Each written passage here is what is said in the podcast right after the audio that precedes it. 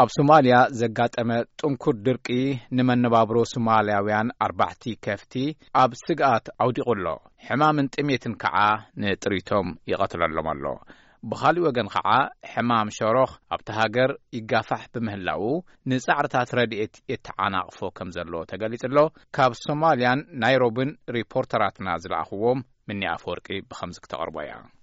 ናይ ሕቡራት መንግስታት ውድብ ምግብን ሕርሻን ዝለኣኾም ሰብ ሞያ ናብቲ ብደርቂ ዝተጠቕዐ ዞባ ፑንትላንድ ሶማል ብምኻድ ነተን ዝሓመማ ኣጣል ብኸመይ ክታበት ከም ዝወሃብ ንነበርቲ ከርእይዎም ከለዉ ይረኣዩ። ዓሊ ዮሱፍ ዝተባሃለ ነባርቲ ከባቢ ሸውዓተ ሚእቲ ኣጣል ከም ዝነበረኦን ብሰንኪ ሕማምን ጥሜትን ክልተ ሚእቲ ጥራይ ከም ዝተረፍኦ ይገልጽ።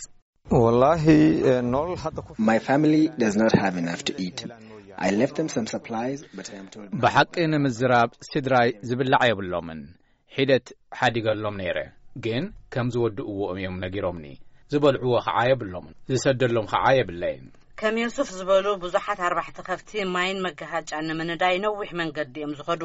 ትካላት ረድኤት ሰናይ ነተን ዝተረፋ ጥሪት ንምድሓን ህፁፅ ረድኤት እንኮላይ ማይን ተንቀሳቐሲ ኣገልግሎት ሕክምናን ይህቡ ኣለዉ። ሓደ ሓደ ግዜ ናብቶም ኣርባሕቲ ከፍቲ ዘለዎ ንምብፃሕ ሰዓታት ክጓዓዙ የድልዮም። ዶክተር ካልድ ሳዒድ ምስ ናይ ሕቡራት መንግስታት ትካል ምግብን ሕርሻን ዝሰርሑ በዓል ሞያ ሕክምና ኸልቲ እዮም።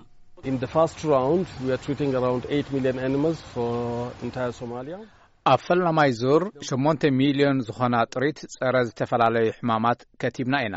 ኣብ ካልኣይ ዙር ንካልኦት ዓሰርተ ክልተ ሚልዮን እንስሳታት ከቲብና።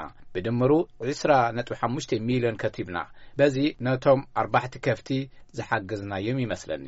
ሳዕሪ ብዘይ ምህላው ገለ ኣጣል ጓሓፍ ከም ገላዕታ በለሰን ብምብልዐን ይሓማ ኣለዋ። እቶም ሓኻይም እንስሳታት ተወሳኺ ቫይታሚናት እውን ይህብወን ኣለዉ። ጓል ዕስራ ዓመት ሓኪም ኸፍቲ ጀሚላ መሓመድ ህዝቢ ሶማል ኣብ ጥሪቱ እዩ ዝምርኮስ ብዘይ ጥሪቱ ህይወት የብሉን ትብል። ኣንፈት ዝናብ ኣብ ዘይረኣየሉን ነበርቲ ብጸሎት ኣብ ዝጽበዩሉን ትካላት ገበርቲ ሰናይ ከኣ ጥሜት ንምክልኻል ረድኤት ንምብጻሕ ይቀዳደሙ ኣለዉ። ብኻልእ ወገን ኣብ ሶማል ለበዳ ሕማም ሸሮኽ ይጋፋሕ ብምህላዉ ነቲ ጻዕርታት ረድኤት ይሓላልኾ ኣሎ። ሰራሕተኛታት ኣገልግሎት ጥዕና በብመዓልቱ ብውሕዱ ሰለስተ ሚእቲ ሓደስቲ በቲ ለበዳ ይተሓዙ ከም ዘለዉን ኣብ ዝቕጽላ ሒደት ኣዋርሕ እውን ክገድድ ከም ዝኽእልን ይገልጹ ኣለዉ።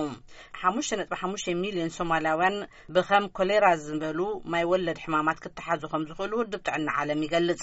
እቲ ደርቂ ንመብዛሕትኦም ምብራቕ ኣፍሪቃውያን ብዘይ ጽሩይ ዝስተ ማይን ምግብን ስለ ዝሓደጎም እቲ ኩነታት ክጋደድ ገይሩ ኣሎ። ኣብ ዝሓለፈ ሰለስተ ኣዋርሕ ዕስራን ሓሙሽተን ሽሕ ሶማላውያን ብለበዳ ኮሌራ ከም ዝተታሕዙን ብውሕዱ ኣርባዕተ ሚእትን ሓምሳን ከም ዝሞቱ ትካላት ሕክምና ይገልጹ። በዓል ስልጣን ሚኒስትር ጥዕና ኢሳቅ ሞርሰል ነቲ ሕማም ንምቁጽጻር ኣጸጋሚ እዩ ይብሉ። መድሃኒታት በብመዓልቱ ናብ ክልተ ወይ ሓሙሽተ ቁሸታት ንምብጻሕ ኣጸጋሚ ኣብ ዝኾነሉ፣ ኣብ ካልኦት ዓሰርተ ቁሸታት እቲ ለበዳ ይረኣ ኣሎ። ንሓደ ወይ ክልተ ቁሸታት ዝተዳለወ ናብ ካልኦት ተወሰኽቲ ኣርባዕተ ወይ ሓሙሽተ ቁሸታት ክዕደል ይግበር።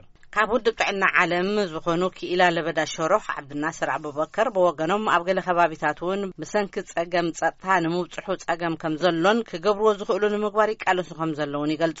ትካላት ረድኤት ናብ ማእኸላይን ካልኦት ክፍልታት ሶማልን ብዘይካ እቲ ኣልሸባብ ዝቆጻጸሮ ደቡባዊ ዞባታት ማለት እዩ ክኣትዎ ከም ዝኸኣሉን ትሽዓተ ሚእትን ሓምሳን ብሸሮኽ ዝተታሕዙ ሰማንያ ከዓ በቲ ሕማም ዝሞቱ ከም ዝረኸቡ ገሊጾም ኣለዉ።